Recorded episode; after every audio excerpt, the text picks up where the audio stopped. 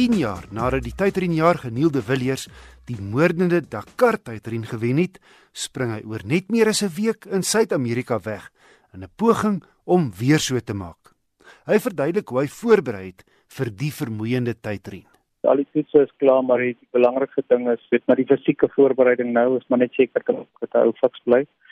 So uh, ja, ek ek hou maar net aan met my uh, my fiksheid uh, rotine en uh, jy weet maak net seker dat ek so fiks as moontlik is kom die wedren wat die 6de Januarie begin. Janiel, julle is drie spanne in die Toyota Gazoo stal en jy jag weer met jou navigator Dirk van Zitsewits. Julle seker al uh, baie gewoond aan mekaar of hoe? Ja, ons is al ek dink 11 of nou 12 jaar saam, so ons ken mekaar redelik goed.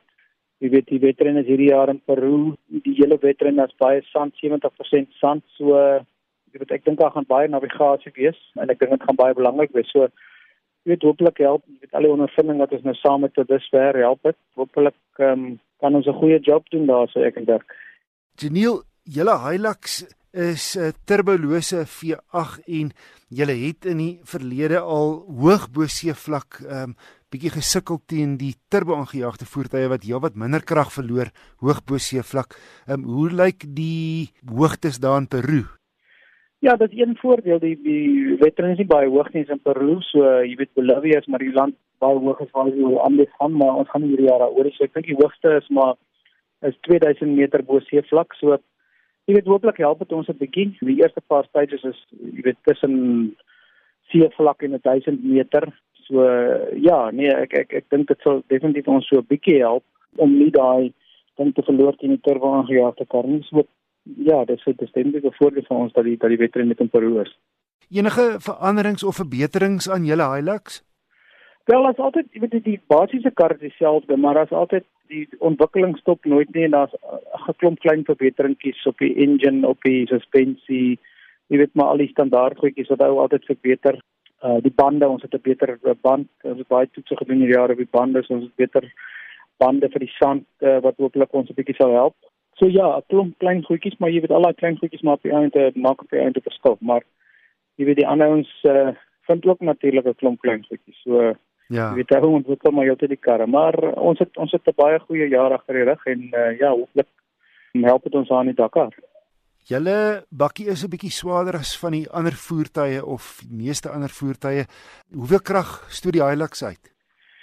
Wel, ek weet nie die presiese syfers nie, maar uh jy weet al hulle probeer die karre jy weet balanseer. So al die karre, jy weet ons noem dit 'n restrictor, maar net om die topspoed om te verhoed dat die ouens te hoë topspoed uh, behaal.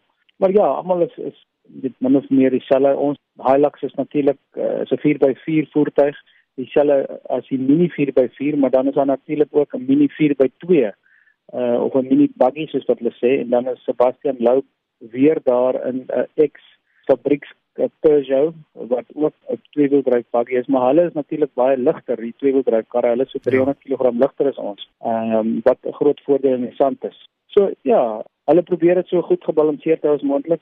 So hopelik het ons hom genoeg krag om by die ou te bly. Ja. Geniel daar is sprake dat eh, volgende maand se Dakar dalk die laaste een in Suid-Amerika sal wees en dat die wedren weer Afrika toe kom. Wat weet jy daarvan? Man, ek ek het so iets gehoor. Ehm um, ek weet daar is 'n bietjie probleme daar veral met die Suid-Amerikaanse uh, ekonomie wat redelik af is. Ek dink daar sal nog een wedren in in, in Suid-Amerika wees, maar uh, ek weet die organiseerders kyk jy weet hulle kyk definitief hier na Suid-Afrika, Namibië, Botswana wat natuurlik baie nou sal wees vir vir my. Hulle kyk ook weer Noord-Afrika. So hulle kyk maar uh, oral oor, jy weet hulle probeer jy weet 'n paar jaar vorentoe in die toekoms kyk, maar ek dink uh, ek voorspel nog so tussen 1 en 3 insluitende hierdie Dakar in Suid-Amerika en ek dink dan sal hulle dalk skuif. Die tyd in jaar, Janiel de Villiers, hy vlieg oor môre Suid-Amerika toe.